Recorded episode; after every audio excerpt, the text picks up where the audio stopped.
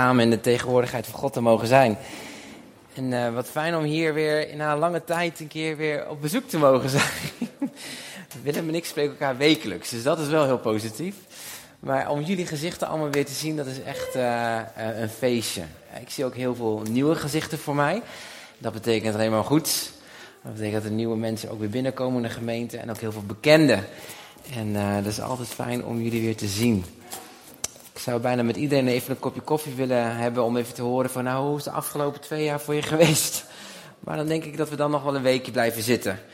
Goed, met ons gaat het goed en um, het is mooi om vanochtend te mogen delen in de gemeente. En als je je Bijbel hebt, dan wil ik je vragen of je je openslaan naar Johannes hoofdstuk, oh, ah, sorry, Handelingen hoofdstuk 3. Uh, dan gaan we daar eens even naar kijken. Handelingen hoofdstuk 3. Heb je je buurman en je buurvrouw al even hoi gezegd of niet? Volgens mij nog niet, hè? Doe dat eens even. Even hoi. Leuk dat je er bent. Fijn. Als elkaar, uh, vaak dan uh, klik je eventjes met de mensen die je kent. Maar soms moet je even iemand opzoeken waar je nog niet... Uh... Yes. Helemaal leuk. Handelingen 3. Goed. We gaan vandaag lezen over een verhaal en ik denk een heel bekend verhaal. Een van de eerste wonderen die opgeschreven wordt door de handelingen van de apostelen. En um, vaak een, eh, een mooi verhaal wat ook een inleiding geeft over een stukje, of althans een stukje beeld geeft over uh, de kracht van de eerste gemeente. Vanochtend wil ik je meenemen eh, in een thema. En mijn thema voor vanochtend is de bedelaar, de verrader en de eenzame. En ik hoop dat je me toestaat om vandaag je verteller te zijn en je mee te nemen in een aantal uh, gedachtes van het verhaal, een aantal laagjes uit te pakken. En ik hoop dat je bemoedigd mag worden vandaag. Zullen we samen daarna gaan lezen en daarna ga ik ervoor bidden. Handelingen hoofdstuk 3 vers 1. Op een dag gingen Petrus en Johannes zoals gewoonlijk omstreeks het negende uur naar de tempel voor het namiddaggebed. Men had ook een man die al sinds zijn geboorte verlamd was naar de tempel gebracht. En hij werd er elke dag neergelegd bij de poort die de Schone heet. Om te bedelen bij de bezoekers van de tempel. En toen hij zag dat Petrus en Johannes de tempel wilden binnengaan, vroeg hij om een kleinigheid. Petrus richtte zijn blik op hem, evenals Johannes, en zei: Kijk ons aan. En de bedelaar keek naar hen op in de verwachting iets van hun te krijgen. En dan zegt Petrus die beroemde woorden: Maar goud en zilver heb ik niet, want wat ik wel heb, geef ik u. In de naam van Jezus Christus van Nazareth, sta op en loop. En hij pakte hem bij de rechterhand op om overeind te helpen. En onmiddellijk kwam er kracht in de voeten en de enkels. Hij sprong op, ging staan en begon te lopen. En daarna ging hij samen met hen de tempel binnen, lopend en springend en God lovend. Alle tempelbezoekers zagen hem lopen en hoorden hem God loven. En ze herkenden hem als de bedelaar die bij de tempelpoort had gezeten en waren buiten zichzelf vol verbazing over wat met hem was gebeurd. Amen. Vader, dank u wel voor uw woord. We bidden, Vader, dat u ons wilt inspireren en ons tot ons hart wil spreken in de, in de, in de, in de situaties waarin we zijn, en waar we bezig zijn. Dat u openbaring geeft, dat u ons uw richting geeft. In Jezus' naam. Amen. Ik vind het zo'n mooi stukje.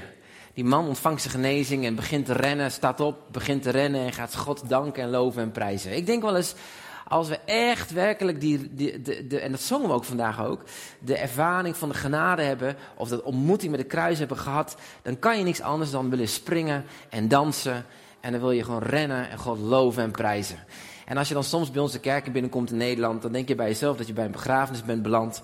In plaats van bij een feestvreugde. Want er is feestvreugde op het moment dat je Gods genade in je leven hebt geproefd. Amen? Dan kan je niet stil blijven zitten. Dan wil je die, die, die rouwdans doen. Ik, ik denk, wanneer komt iemand nou naar voren? Dan ga ik meedoen. Maar ja, goed, dat, uh, ik heb ook een lichte schaamte, snap je dat? Maar goed, dit verhaal gaat over mensen, iedereen met een eigen verhaal, die op een bepaald moment elkaar ontmoeten. En wat ik eigenlijk wil doen vanochtend, is eigenlijk het verhaal uit elkaar trekken, omdat het heel vaak plat lezen. En ik wil je eigenlijk uh, een stukje highlighten op het intermenselijke aspect van het verhaal. En dat naar voren gaan halen vanochtend. En het verhaal start bij Petrus en Johannes. Nou, we kennen Petrus, Petrus en Johannes als twee volgelingen van Jezus. Beiden stonden heel dicht bij Jezus. En ze waren tot de inner circle behoorden ze bij Jezus. Ze kenden Jezus door en door. Johannes werd gezien als de geliefde volgeling van Jezus. Iemand die zijn hoofd aan de borst van Jezus mocht leggen. Hij noemde zichzelf, ik ben de meest geliefde apostel. We kennen hem ook als de zoon van de donder. Maar vooral kennen we hem van het feit dat hij de geliefde apostel was van Jezus. Um, en we kennen Petrus. Petrus kennen we als een beetje de haantje de voorste. Soms een beetje radicaal, een beetje impulsief. Maar beide kenden ze Jezus en ze wandelden met Jezus. Maar hun leven was ook een beetje getekend. Want hoewel Petrus heel dicht bij Jezus stond, uh, was hij wel degene die Jezus had verraden. En hij was weer onder de mensen, onder het volk van God, onder de, onder de Israëlieten bekend als de persoon die de verrader was. En hoewel Johannes een hechte vriendschap met Jezus kende, was hij nu getekend door het verlies van zijn beste vriend, die niet meer bij hem was. Hij was alleen. Hij was alleen. En ondanks dat Petrus een stukje ouder was dan Johannes, lezen we dat zij vanaf dit moment eigenlijk steeds meer samen begonnen op te trekken als vrienden. Dit was een van de allereerste keren dat ze samen, zoals hier in de Bijbel staat, gingen optrekken met elkaar. Misschien wel omdat Petrus de eenzaamheid zag in het hart van Johannes. Dat hij zijn beste vriend, de geliefde, kwijt was geraakt. Misschien wel omdat Johannes voorbij keek aan de twijfel die de meeste mensen hadden rondom Petrus. Petrus was de verrader. Petrus had Jezus eigenlijk uitgeleverd. Petrus was degene die niet zo standvastig was in het geloof. En nou wordt hij gebruikt door God. En misschien keek Johannes wel voorbij de integriteit, of eigenlijk het gebrek aan integriteit bij Petrus. En zag hij iets in Petrus. Johannes keek voorbij aan het verraad. En hij ontfermde zich rondom Petrus. En daar waar anderen nog steeds Petrus integriteit in twijfel trokken. Twee mannen. Eén een verrader. één een eenzame. En beide gaan ze op weg in hun gewoonte om naar de tempel te gaan om te gaan bidden. Genaamd bij uh, de Schone Poort kwamen ze binnen. Onthoud het woord even, Schone Poort. Een van de toegangspoorten tot de tempel. En hier ontmoeten ze een bedelaar. Nou, de Bijbel zegt niet heel veel over deze man. Maar wat de Bijbel wel zegt is dat deze jonge man, of deze, jong, deze man, was kreupel. En hij lag daar, hij werd daar neergelegd vanaf de ochtend tot de avond. En hij moest bedelen. Ik weet niet of je ooit wel eens geweest bent in Indonesië, of in India, of in Zuid-Afrika. Maar als mensen kreupels zijn, dan worden ze vaak neergelegd aan de kant van de weg om te bedelen. Veelal om te bedelen, niet voor hunzelf, maar eigenlijk om geld weer af te geven aan een ander. We weten niet waarom hij bedelde. We weten niet of hij bedelde voor zichzelf. We weten niet of hij bedelde voor een ander. Of dat hij gebruikt werd om te bedelen en vervolgens geld af te dragen. Maar wat we wel weten is dat hij was meer dan 40 jaar kreupel. En we weten ook dat hij 40 jaar dag, dag in dag uit werd neergelegd bij die poort. En hij moest bedelen. Bedelen voor zichzelf. Elke dag zat deze man bij de poort. En hij keek naar al die mooie mensen die langs hem heen gingen om te bidden bij de tempel. En hij was een soort buitenstaander. Iemand die niet mee mocht naar de tempel. Iemand die niet de heerlijkheid van God naar binnen mocht. Iemand die niet in de aanwezigheid van God mocht komen. Hij stond buiten. Hij was de bedelaar, de buitenstaander. Degene die er niet bij hoorde. Degene die afgewezen is. Degene die uitgesloten was. Omdat hij niet in staat was te komen in de tempel. En hij werd daar, zat hij te bedelen. En tuurlijk, mensen gaven geld. En gaven een aalmoes. Want dat deed je vanuit je traditie. Maar ik denk dat hij heel vaak onopvallend gewoon daar zat te roepen. Aalmoes, aalmoes. In de hoop dat iemand iets zou geven aan hem. En het verhaal gaat verder. Heel onverwachts. dan komt dan Petrus en Johannes komen bij hem. Waar iedereen langs die bedelaar loopt, ziet Petrus en Johannes zien hem. En ze horen hem. En dan, als hij Petrus en Johannes hoort aankomen lopen, of ziet aankomen lopen, dan zegt hij aalmoes. En dan zegt Petrus en Johannes, stop, goud en zilver heb ik niet. Ik heb iets veel beters. En dan gebeuren die mooie woorden. Dat wonder wat er plaatsvindt. Ik wil je herinneren aan drie dingen. Dit verhaal heeft eigenlijk meerdere lagen, maar ik wil er drie vandaag uithalen. En de eerste wat ik je mee wil nemen is dit.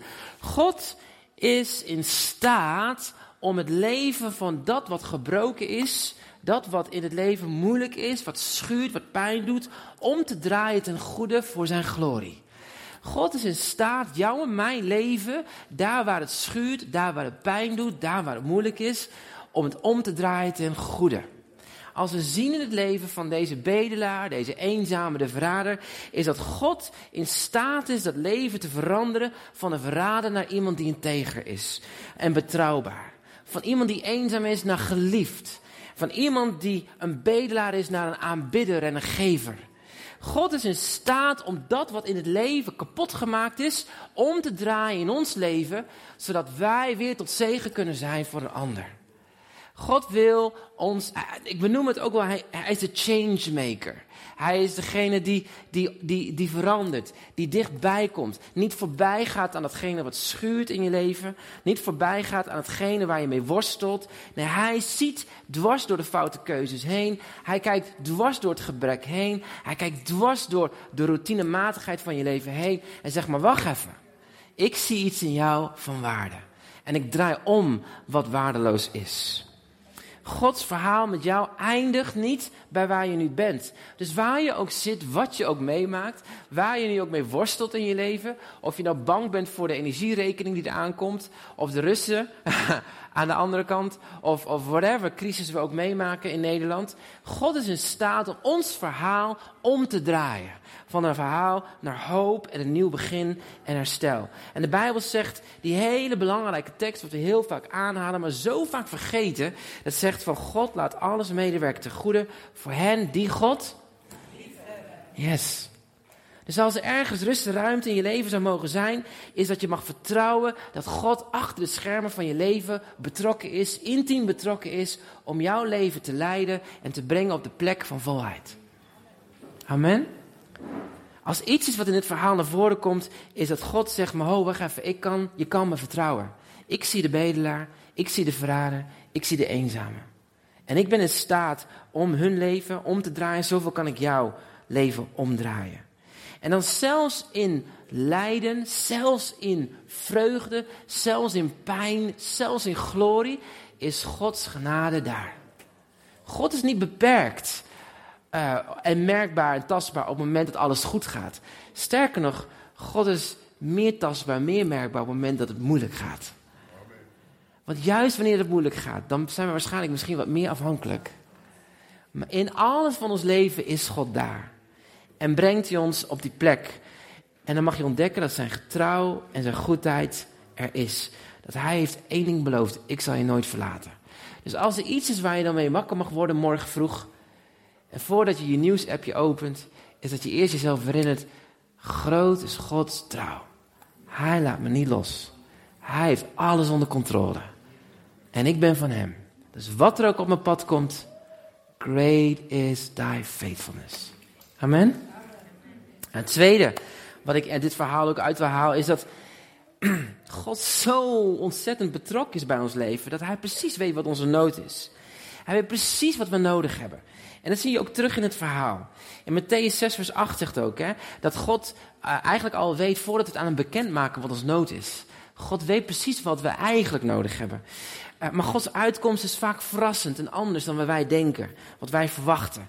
En net als die bedelaar die dan op een gegeven moment zit en verwacht dat er dan een soort aalmoes komt, gebeurt er iets heel plotseling wat hij niet verwacht. Peter die hem zegt, kijk maar aan. En hij kijkt, hm? Ik denk dat hij gewoon uit schaamte, uit routinematigheid dit deed. Handje omhoog, naar beneden kijken.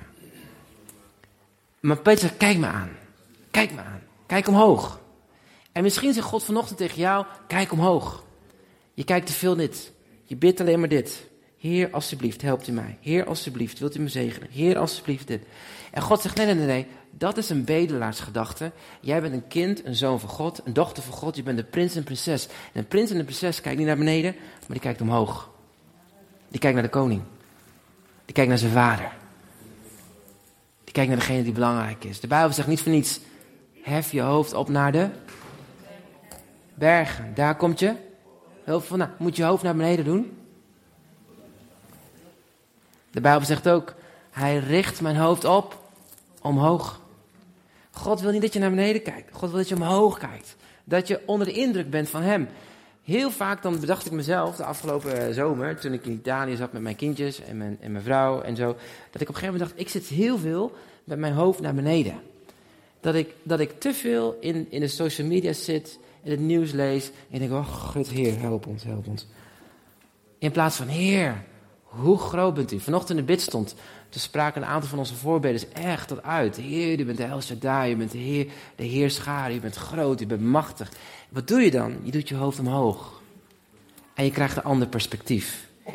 En wat ik zo interessant vind van dit verhaal is dat heel vaak verwachten wij als christenen een bepaalde uitkomst. Hè? We gaan door iets heen en we denken, oh ja, God gaat het zo doen. Of God moet het zo oplossen, want dan is het perfect. We, we hebben al wel een plannetje hoe God het eigenlijk in orde moet maken, toch? Uh, en hier zien we het verhaal eigenlijk precies andersom. De bedelaar bedacht namelijk, ik heb een aalmoes nodig, dan kom ik weer de dag door. Maar, maar God had een ander plan. Weet je, God, God, God heeft een uitkomst in ons leven die soms zo verrassend is, dat, dat de verrassing in zichzelf iets totaal anders kan zijn, waardoor jij en ik soms misschien wel ons hart toesluiten en het eigenlijk mislopen. Nou, laat me een voorbeeldje geven. Er was een jonge man, jaren geleden, die, was, uh, die werd, je kent Amerika wel, Sweet 16. Mijn nichtje is afgelopen week Sweet 16. Maar in Amerika is het zo, dan, dan, uh, dan kan je een auto, uh, hè, dat Sweet 16, dan is een auto, krijg je een auto van je ouders. Dat is een beetje zo'n cultureel dingetje. Goed, mijn, mijn nichtje had het ook bij mijn, bij mijn broer gedropt, maar dat ging dus mooi niet door. deze jonge man, die, die had beide, zijn vader en hij, hadden een moeilijke tijd, want zijn moeder was overleden. Die was gestorven een aantal jaar terug. Dus dat gezin had heel veel pijn. Dat was een verhaal. Dat was verdriet. En die vader en die zoon, beiden in verdriet, dat ging niet lekker met elkaar. Het schuurde, er zat pijn. Er. En die jongen die was 16 geworden, of die werd 16, en die dacht bij zichzelf, weet je, ik vind een bepaald type auto. Hij had een, eh, een um, volgens mij was het een Mustang, had hij voor ogen. Dus hij had een paar keer stiekem gedropt in de auto, of waar hij met zijn vader liep, of dat hij eventjes op een... Pap, dit vind ik een mooie auto. Wauw, een mooie auto, pap. Super mooie auto. Nou, zo gezegd, zo gedaan. Hij werd jarig. Dus hij komt die dag komt hij bij zijn vader op kantoor. Want zijn vader die wilde hem verrassen. Dus hij denkt, mooi. Ik, dit is het moment. Ik krijg mijn Ford Mustang. Hij gaat zitten bij het bureau.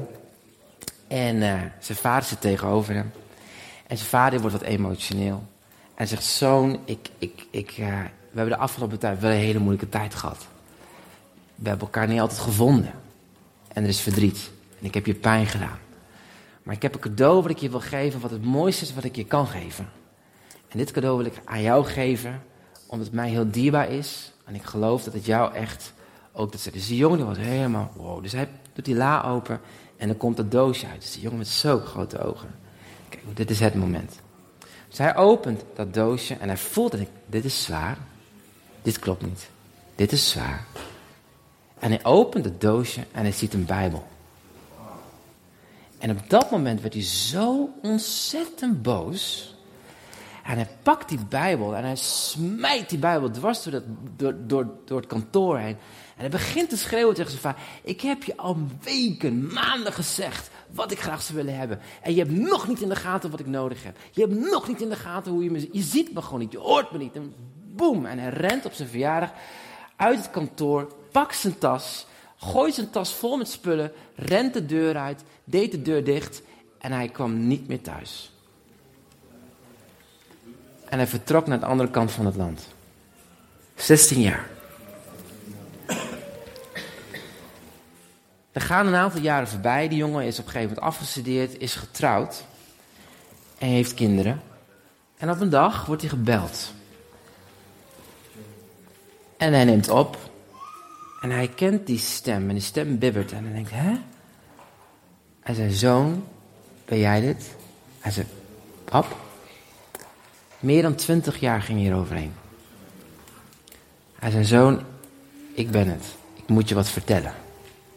Ik heb niet zo lang te leven. Die zoon schrok.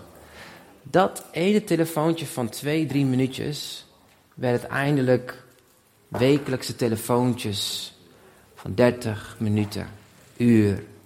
En de relatie begon te veranderen, meer dan 20 jaar. Jongen die ontdekte dat zijn vader dus ernstig ziek was en dat hij niet lang te leven had. Dus hij en zijn vrouw hadden besloten dat hij dan in een korte tijd daar naartoe zou gaan. Hadden tickets gekocht om dan zijn vader na al die jaren weer te bezoeken. Dus hij uh, had zijn tickets gekocht, zou die week gaan vertrekken. En in die week wordt hij weer gebeld. En hij kent ditmaal niet de stem van zijn vader. En aan de andere kant zegt iemand: Bent u die en die en die, zoon van die en die en die? Hij zei ja. Hij zei: Uw vader is overleden. Compleet met verdriet stapt hij het vliegtuig in en gaat onderweg. En komt dan bij zijn vaderlijk huis. Hij herkent het. Zijn hele emoties gaan alle kanten op. Hij loopt door de kamer, door het huis en hij herkent alles wat, daar, wat hij daar had achtergelaten. In zijn pijn had weggerend. En op dat moment herinnert hij zich dat het, de, clash van waarom hij weg had gerend was in het kantoor. Dus hij loopt naar het kantoor en hij ziet het kantoor, hij ziet het bureau en hij herkent de stoel, hij herkent alles wat er is. En hij gaat zitten en hij begint te huilen en te huilen en te huilen achter het bureau van zijn vader. En op dat moment opent hij de la waar de vader zijn cadeautje had. Dus hij opent de la. En in de la ligt dat doosje. En hij opent het doosje, het was de Bijbel van zijn moeder. En in de Bijbel van zijn moeder had zijn vader een briefje geschreven. Mijn zoon, dit is het kostbaarste wat ik heb. De dierbaarste herinnering van je moeder.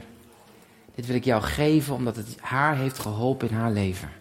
Dit wil ik jou geven van eeuwigheidswaarde. En in de Bijbel, terwijl hij het opendeed, wat lag daarin? Houten sleutels. Hij liep naar de schuur. En terwijl hij daar de schuurdeur opende, lag daar onder een stoffen deken die auto die hij zo graag had willen hebben. Heftig verhaal, hè? Ja. Zo vaak wil God ons verrassen op manieren die anders is dan wij bedenken. Net als de bedelaar. Ik heb een aalmoes. Ik heb een aalmoes nodig. Maar God wil ons verrassen op een manier, zelfs als de cadeauverpakking anders is dan wij denken. Soms komt Gods verrassing op een vreemde, onverwachte manier. Is zijn uitkomst niet iets wat jij en ik hadden bedacht, maar als je terugkijkt op je leven, dan denk je: hoe dan? Hoe dan? God heeft dat gedaan. En is het vaak beter. Maar omdat we zo menselijk zijn en zo kortzichtig vaak, houden we ons vast aan wat wij hebben in ons hoofd. En als dat niet helemaal aanstaat, dan rennen we vaak weg, ook van God. God, u geeft niet wat ik nodig heb. Maar als we beseffen dat God zo in tune is met je leven en met je nood, dan kan je hem vertrouwen dat wat hij, op je, wat hij je geeft, ook al staat de verpakking niet aan, dat zijn uitkomst de beste uitkomst is die je ooit zult hebben. God werkt niet alleen maar één keer. Heel, God werkt door dingen heen. God is een God van processen. God is een God van de lange termijn. En soms doet God dingen in ons leven die op dat moment even pijn doen. Op dat moment denk ik, hè? Ik snap hem niet. Of, nou, ik vind het niet helemaal even leuk. Maar heeft God daar een uitkomst mee die vele malen groter is. Amen. Derde puntje.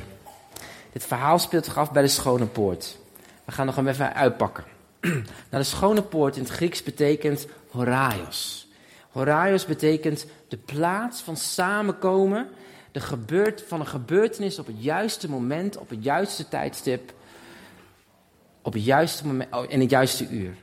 En hier zien we eigenlijk drie mensen, allebei, die vanuit een menselijke wijs daar komen, in een wat in onze ogen, wat wij lezen, een soort spontane ontmoeting is. Eigenlijk die nog gevangen zitten in de concentratiekamp van hun verleden en hun pijn. Een bedelaar, een verrader, een eenzame. Drie levensverhalen die samenkomen op een bepaald moment voor een bepaalde bedoeling.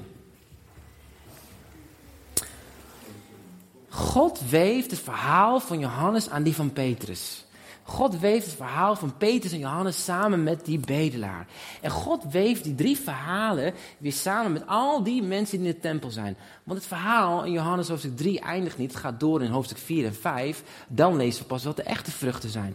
God brengt vier verhalen eigenlijk bij elkaar. De bezoeker van de tempel, de bedelaar, de verrader, de, de, de eenzame. En hij brengt ze bij elkaar en als het ware ver, verweeft hij zich aan zich. En hij doet daar iets bijzonders, zodat zijn glorie er doorheen komt. Heb je ooit nagedacht dat jouw leven is bedoeld om verweven te worden met een ander? Heb je ooit nagedacht wat het betekent kerk? Kerk zijn is niet een individu die samenkomt. We baren net in de bid stond ook, we zijn een lichaam. En wat is een lichaam? Lichaam is verbonden, is verweven, is aan elkaar geplaatst, is connected. God wil niet dat je als christen individueel, als een soort pinkje blijft lopen op jezelf. Nee, God wil dat je beweegt, dat je verbonden bent, verweven bent, zodat je een hand kan vormen. God wil jouw levensverhaal connecten met een ander levensverhaal. En God kijkt voorbij aan dat wat je niet bent en ziet in jou dat wat je behoort te zijn volgens hem. En hij brengt bij elkaar dat wat gebroken is, zodat hij daardoorheen kan schijnen en jou en datgene wat jij aanraakt en mee verbonden wordt, zijn glorie weer spiegelt. Amen? En dat is een bedoeling. En ik weet niet hoe het met jou is, misschien voel je je wel een bedelaar. Misschien zit je in een bepaalde routinematigheid van je leven de afgelopen tijd. In je geestelijk leven, niks anders te doen. Nou ja, zondag naar de kerk, naar werk. En je bidt maar net als, nou Heer, zegen me deze dag, zegen het eten, dank u wel dat ik veilig thuis ben. Oh Heer, dank u wel voor de belastingdienst, dat u het ook in orde wil maken. En that's it. Het is een routinematigheid. Je kent niet anders. Want ergens die van binnen zit dat gebrek. Misschien ben je wel die eenzame. Heb je iemand in de afgelopen periode moeten missen? Misschien is er wel iemand die dierbaar is, die, die gestorven is, die ontnomen is van je. Misschien is er wel een vriend of een vriendin die jou de deur heeft, niet meer, niet meer de deur voor je opent. Misschien is het wel zo dat, je, uh, uh, dat in relaties dingen verstoord zijn. Met je kinderen, met je vrienden, met je buren. En dat je eenzaam voelt. Misschien is het een eenzaamheid die zelfs hier in de kerk niet gezien wordt. En dat je denkt, ja, eigenlijk gaat het wel goed, de glorie in hem. Maar diep van binnen worstel je met die eenzaamheid. Misschien is het wel dat je diep van binnen worstelt met een stuk schuld en schaamte over keuzes van het verleden. Dingen die je in het verleden hebt gedaan. Dingen die je dacht, oh had ik het kunnen doen? En, en ergens dan nog steeds een soort aanklacht over je gaat. En God wil eigenlijk daar zeggen, joh, maar wacht even. Jij ziet dat wat niet goed is. Maar ik zie wat wel goed is in je. En ik weef jouw verhaal samen met dat van een ander. Zodat mijn glorie er doorheen kan gaan schijnen voor anderen. God heeft jou bedoeld om verbonden te zijn, niet om apart te zijn. God heeft jou bedoeld om zijn glorie te weerspiegelen en dat het niet in je eentje alleen. Maar het is dat je weet van, hé, hey, maar wacht even, hij brengt mij samen met die ander. Mijn vraag is, mag God jou verbinden? Mag hij jouw levensverhaal verbinden? Misschien ben je wel net die Peter dat je denkt, oh, ik voel me zo in mijn tegen tijd aangetast en ik kan eigenlijk niet meer verder. Dat God zegt, oh wacht even, ik stuur Johannes naar je toe. Weet je waarom? Omdat ik in jou geloof. Dat wat toen mis is gegaan, prima. Ik kijk er niet meer naar. Misschien jij nog wel, maar ik kijk er niet meer naar. Ik geloof in je en ik haal je eruit en ik wil je gebruiken. God wil jouw verhaal verbinden met een ander. Het lastige is dat als we door pijn en lijden heen gaan, liefst wat we doen is dat we onszelf vasthouden. En het vraagt moed en kwetsbaarheid om voor een ander te zijn, terwijl je zelf misschien nog met gebrek bent. Het vraagt moed en kwetsbaarheid om te zeggen, joh, ik wil je vriend zijn. Ik wil mijn verhaal met jou verbinden, ook al heb ik zelf mijn nood. Maar weet je wat zo mooi is? God gaat never nooit voorbij aan je eigen nood. Op het moment dat jij voor, net als Petrus, die vriend kan zijn voor Johannes. Als jij net als Johannes die vriend kan zijn voor Petrus. Als jij net als Peter en Johannes kan zijn voor die bedelaar. Het mooie is dat er komt er een transactie, dan is er een zegen en dan stroomt het over. Dan stroomt het over. Dan stroomt het over. Maar wat is nou zo apart in het verhaal is dit. De bedelaar zag wel niet honderden mensen per dag langs die tempelpoort gaan. Honderden. Dag in dag uit. Langs hem heen. Maar wat maakte nou dat Petrus en Johannes hem zagen? Enig idee? Ik denk dat ze daarvoor ook al hebben gezien. Hij lag er al 40 jaar. Dus misschien hebben ze hem wel als klein jochie meegemaakt. Dus wat maakt nou deze keer dat ze hem zagen? Enig idee? Nou, ik denk dat dit de sleutel is. Mensen die in hun leven moeilijkheden en lijden kennen. En in die strijd Gods genade geproefd hebben, worden opmerkzaam. Voor datgene wat God op je pad brengt.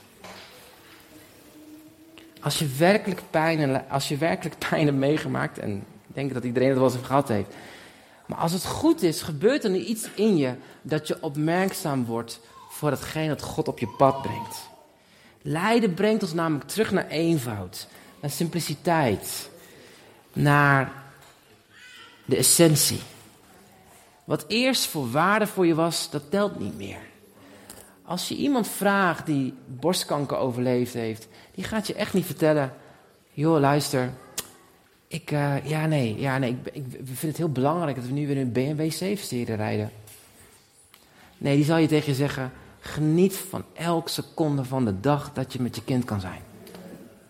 Die zal je zeggen: oh, maak alsjeblieft die ruzie in orde. Het is niet waard om zo lang uit elkaar te zijn. Tijd is kort, leven is kwetsbaar. Pijn en lijden brengt je terug naar essentie. En weet je wat dan mooi is? In die essentie ontdek je dat je niet zonder Gods genade kan. Maar wat doet Gods genade? Ontvangen genade laat genade geboren, compassie geboren worden voor een ander. Er kan geen compassie uit je hart groeien, kan geen genade uit je hart groeien als het niet geboren wordt door je eigen strijd en lijden. Henry Nouwen, een bekende priester, schreef het als dit. Hij zei dit. Hij zei compassie, bewogenheid, geboren in eenzaamheid, maakt ons zeer bewust van ons eigen mens zijn en, ons, en Gods genade. Als je door lijden heen gaat, door pijn heen gaat, dan word je bewust van je eigen mens zijn en de grote genade van God. Hij zegt, we zijn niet geroepen om te reageren op algemeenheden, maar op concrete feiten van de dag waarmee we dag in dag uit worden geconfronteerd. Een medelevend mens kan de manifestaties van het kwaad en dood niet langer als storende onderbrekingen zien van zijn levensplan of levensweg. Maar hij moet ze onder ogen durven zien als een kans tot bekering van zichzelf en als uitreiken naar zijn medemens. Elke keer in de geschiedenis wanneer mannen en vrouwen hebben kunnen reageren op die gebeurtenissen in hun wereld als een gelegenheid om het hart te veranderen, dan ontstaat er een onuitputtelijke bron van vrijgevigheid. Een nieuw leven wordt geopend, die hoop biedt, ver buiten de grenzen van menselijk voorspelling. Nou, als je weet dat er een onuitputtelijke bron in je geboren wordt, door genade, dan snap je de woorden van Petrus. Hij zegt, goud en zilver heb ik niet.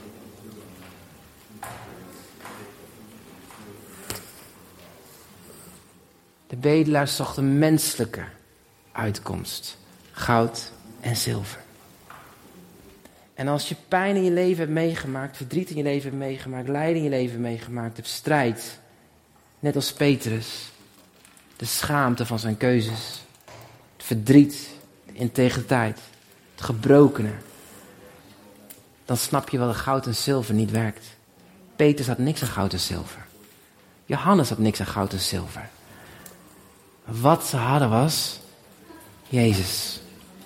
Goud en zilver is een menselijke standaard van welvaart. Jezus is de geestelijke standaard van welvaart. Ik weet niet tegen wie ik aan het praten ben nu, maar of je het pakt wat ik zeg. Misschien voel je wel de bedelaar, misschien voel je wel de verrader, misschien voel je wel die eenzame. Misschien zit je hier in de kerk en je gaat net als die, al die gelovigen dag in dag uit, hup, langs die tempel, je, bent, je hebt je christelijke routine. Maar God zegt, goud en zilver heb ik niet. Ik heb je Jezus. Ik heb een geestelijke dimensie voor je. Een waarde die onuitputtelijk is, een bron die zo vol is om jou te geven. Jezus zegt, ik kwam om het leven te geven in overvloed. Is dat goud en zilver? Soms wel handig. Is het een barbecue waar je lekker kan eten? Nee, goud en zilver is niet wat Jezus op uit is. Jezus wil zichzelf geven. Hij zegt, ik ben de weg, de water en het leven. Ik ben het leven van overvloed. Wat geeft hij ons? Is een vervulling die ons mens zijn te boven gaat. Waar kracht in is in onze geest, in onze ziel en in het lichaam terugkeert. Wat staat er zo mooi? Deze bedelaar sprong op. Hij sprong op. Is dat alleen een, fysieke opspringen? Als je jaar dag uit, 40 jaar lang op zo'n matje zit en je doet alleen maar dit, wat denk je dan over jezelf? Ik kan niks, ik ben niks, ik hoor er niet bij. Ik ben buitengesloten. Ik mag er niet zijn. Al die anderen mogen naar God in de tempel zijn heerlijkheid aanschouwen, maar ik hoor er buiten. Maar als je werkelijk de genade van God ervaart, dan sta je op, dan spring je op, want je weet dat je er mag zijn. Je weet dat je mag leven. In het diepste van jouw pijn, van jouw lijden, wil God zijn hart van compassie laten geboren worden. Zodat jij en ik, ons levensverhaal worden verbonden met elkaar. Zodat zijn glorie daardoorheen kan werken. En wat bizar van het verhaal is, is dat de bedelaar dan naar binnen rent en iedereen denkt, wat is dat? Die man die 40 jaar daar zit. En misschien was er wel een jongetje geboren van 20 jaar, die eigenlijk al niks anders kent dan de bedelaar die daar zat. En in één keer hem ziet dansen. In één keer hem ziet horen geloven en God prijzen. En wat gebeurt er? Dan gaat er een lopend vuurtje door heel Zutphen. Gaat het verhaal van die bedelaar die gered is. En wat doet hij? Hij gaat, staat op, hij getuigt. En een machtige beweging van God ontstaat. Want heel veel christenen zijn sukkelig in slaap, in hetzelfde routinematigheid van hun leven. Want ze hebben niet geproefd de genade van God en het niet herkend in hun eigen leven. Want genade laat genade geboren. En dan beweegt God in zijn glorie. Dan sta je niet meer langer stil. Nee, nee, nee, dan sta je op in de kracht. Amen. Amen. Ik wil vanochtend gewoon deze oproep geven. En ik besluiten. Ik heb nog heel veel dingen wat ik zou kunnen zeggen. Maar ik moet aan drie dingen denken vanochtend. We staan voor een nieuw seizoen, kerkelijk seizoen, zeg altijd. September komt weer aan, gaan we weer beginnen. Jee. Weet je, kerk stopt niet hè, in de zomervakantie. Het gaat gewoon door, want je bent met elkaar verbonden. Maar wat ik je mee wil geven is dit. Misschien ben je hier vanochtend en ergens worstel je misschien wel met schaamte weet niet wat het is. Misschien om de keuze die je gemaakt hebt. Misschien iets wat in je verleden gebeurd is. Misschien dat je jezelf twijfelt. Of eigenlijk weet je, je bent wel vergeven. Maar elke keer voelt het alsof een soort knoop om je middel is. Waardoor je die stap, als het ware naar voren om te gaan opstaan, niet durft te nemen. Misschien zitten hier wel leiders in de gemeente eigenlijk in spe, in een notendop. Maar eigenlijk durven ze niet op te staan. Eigenlijk heeft God jou een visie gegeven voor kinderwerk. Maar eigenlijk durf je niet op te staan, want je denkt... Ja, maar straks heb ik weer die burn-out. Of ja, maar ik kan het niet zoveel aan. Of ja, maar... Ik, weet je, er zit een soort angst onder. Een schaamte onder. Misschien voel je wel die eenzame. Misschien heb je hier wel relaties die je de afgelopen jaar je pijn hebben gedaan. Misschien wel vrienden in de gemeente. Misschien wel in een andere gemeente. Want ja, weet je, kerk is nou eenmaal allemaal gebroken mensen. Dus daar moet ook niet van, niet van verrassen, door verrast zijn. Ik zeg altijd maar zo, een hond blaft, een kat miauwt en mensen zondigen. Ja, dat is nou standaard. Maar weet je, even, zoveel van ons zijn soms zo teleurgesteld geraakt in vriendschappen. Wat je dacht, dat is mijn broer, dat is mijn zus. En vervolgens is dat weggevallen. Weer anderen hebben mensen verloren. Weer andere mensen hebben dierbaren die naar de Heer zijn gegaan. Of wat dan ook. En je voelt je eenzaam. Misschien worstel je met een eenzaamheid en je denkt, ja, ik, ik kom daar niet uit. Ik geloof dat God vandaag in die eenzaamheid wil komen met zijn genade. En je wil vervullen. Maar ik geloof ook dat God jou die eenzaamheid hier in de gemeente, als het ware, wil vervullen. Met gezonde relaties om je heen. En een derde wat ik je mee wil geven is voor degene die, als net als die bedelaar, routinematig daar zit. En eigenlijk denkt, ja, maar ik kan niks, ik ben niks, stel niks voor. Dat God eigenlijk tegen jou zegt, mijn zoon, mijn dochter, het is tijd dat je gaat schitteren. Je bent mijn zoon, je bent mijn, mijn dochter. Je bent de prins, je bent de prinses. Je hoort niet aan de zijkant. Je mag in mijn heerlijkheid komen. En jij telt mee. En in dat wat je kan, mag je gewoon geven. Misschien ben je eigenlijk wel, als je heel eerlijk bent, gewoon die trouwe kerkbezoeker. Die tempelganger. Die langs iedereen voorbij gaat. En misschien is jouw gebed wel vanochtend van, Heer, als ik heel eerlijk ben, Misschien heb ik het wel een beetje gewoon aangenomen. Dat ik, dat ik gered ben. En misschien is het wel ja, normaal. En voel ik het niet meer helemaal. En het gaat niet om voelen alleen, hè. Maar soms is het een soort... Hoe zeg je dat? Dat je verdoofd lijkt in je geloofsleven. En mis je de sprankel. En mis je de diepte. En mis je die intimiteit. En denk je, ja, het is maar zoals het is. Soms heb je woestijnperiode. Wat een onzin. Met Jezus is er geen woestijnperiode. Zo'n leugen, vind je niet? Met Jezus hoef je geen woestijnperiode te hebben. En misschien weerhoudt het je om op te staan, om je plek in te nemen. Om jouw leven weer te verbinden aan die van de ander in de gemeente. Zodat door jullie heen weer anderen tot zegen kunnen zijn. Misschien zit je wel eigenlijk op de kritische bank. Oh, daar heb je de bedelaar weer. Oh, daar heb je die rare, die rare Jezus-volgelingen. Zie je wel, hij is die verrader. Oh, oh, heb je daar die prediker weer. Oh, heb je die gast weer. Oh ja. Hij is ook... Oh, maar zal ik dit zeggen? Niemand is perfect. Dus wat je kritiek ook is, stop hem maar in de grond. Je kan er niks mee, je wordt er doodongelukkig van. Want als je genade hebt ontvangen, dan kijk je voorbij het menselijke. Dan zie je de goud die er is in anderen. Drie dingen, of vier dingen. Ik weet niet wie je bent, waar je bent, waar je staat. Maar ik geloof dat God vanochtend ons zijn genade wil laten geboren worden in ons hart. Zodat hij ons leven kan verbinden waar zijn glorie doorheen kan gaan schijnen. En misschien is dit wel een nieuw seizoen voor jou, voor de gemeente, voor je gezin, voor de mensen om je heen. Dat als het ware de, de limieten van het leven als het ware eraf gaat, de grens van het leven eraf gaat. En dat je dat leven in overvloed mag gaan leven. Amen. Was alles koekenij toen de bedelaar op een gegeven moment genezen was? Was alles koekenij voor de discipelen? Helaas niet. De Bijbel leert in hoofdstuk 4, 5. Grote vervolging kwam in de kerk. Petrus Johannes donderden in de gevangenis. En dan denk je, huh? We hebben iemand genezen. Er zijn mensen tot geloof gekomen en je moet de gevangenis in. En wat leert het ons? Als je menselijk blijft kijken, zul je dingen niet snappen. En daarom vond ik het zo mooi wat we vanochtend zongen. Cornerstone, Christ alone, weak made strong. In mijn Savior's song. Dat, dat verhaal, als je beseft dat Jezus dat leven in je geeft, dan maakt het niet uit of je een belastingdienstpapiertje voor je neus krijgt, je baan verliest, of de rekening hoog is. Of, je hoeft niet zorgen te maken. Je mag weten en vertrouwen diep van binnen. Als God mijn levensverhaal leidt, dan brengt hij op een plek van zegen. En in de gebrokenheid gaat God heen zegenen. Doorheen zal hij zegenen. Amen. Ik hoop dat je bemoedigd bent vanochtend. Amen. Zo laten we gaan staan en ik wil vragen of uh, we naar voren kunnen komen voor de worship.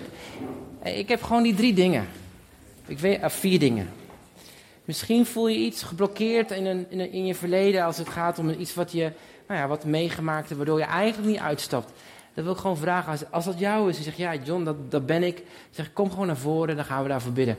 Dat God jou die vrijheid mag gaan geven vandaag. Dat je zijn genade mag proeven. Misschien is het wel zo dat je iemand mist. Dat er pijn is in je emoties omdat dingen mis zijn gegaan. Ook ik geloof dat God vandaag daar een, een stap van genezing wil gaan brengen. En dat je weer vertrouwen en geloof gaat geven in relaties. Misschien voel je wel die bedelaar. Ook daarin geloof ik Gods genade vanochtend hier is. Misschien voel je wel die kerkganger. Dan geloof ik ook vandaag. God vandaag zijn verfrissing wil geven aan jou. Ik weet niet wie je bent, ik weet niet waar je staat. Sommigen ken ik dan van naam. Maar ik geloof wel in Jezus. Hij is hier. En hij heeft ons samengebracht in zijn naam. Zo, Vader, dank u wel, Heer, voor uw woord. Ik dank u wel, Vader, voor die prachtige beweging van uw geest. Waarin levens aan elkaar verbindt. Niet voor goud en zilver of een menselijk zegen. Maar Heer, voor een volheid die komt door de Heilige Geest, door uw woord, door Jezus, die als het ware in ons wil zijn.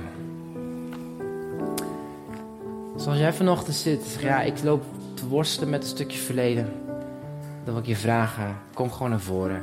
Een gebedsteam is er toch? Die gaan voor je bidden. Als je zegt, ik voel me als die bedelaar. Af en toe dan denk ik, hoe kom ik uit mijn situatie? Ik zit gewoon vast. Het lijkt alsof het niks verandert. Ik zit erin, ik voel me depressief, het lukt me niet. Dan zeg, kom naar voren. Dan geloof dat God een God van wonder is. als jij zegt, joh, ik, ik worstel gewoon met die eenzaamheid in mijn leven. Ik ken heel veel mensen, maar niet heel veel mensen kennen mij dan geloof ik dat God vanochtend ook daarin zijn genezing wil geven. Misschien zeg je, ja John, ik ben gewoon in de routinematigheid. Ik ga elke zondag naar leven, doe mijn best. tik het af met mijn tiende, zorg dat ik het goed leef. Maar eigenlijk ontbreekt het vuur, ontbreekt de liefde, ontbreekt het besef wat Jezus gedaan heeft. Zeg, kom naar voren, dan gaan we voor je bidden. En dan bidden we niet als een, als een afkopertje, maar in het bidden willen we naast je staan. En je het gevoel geven en communiceren naar je.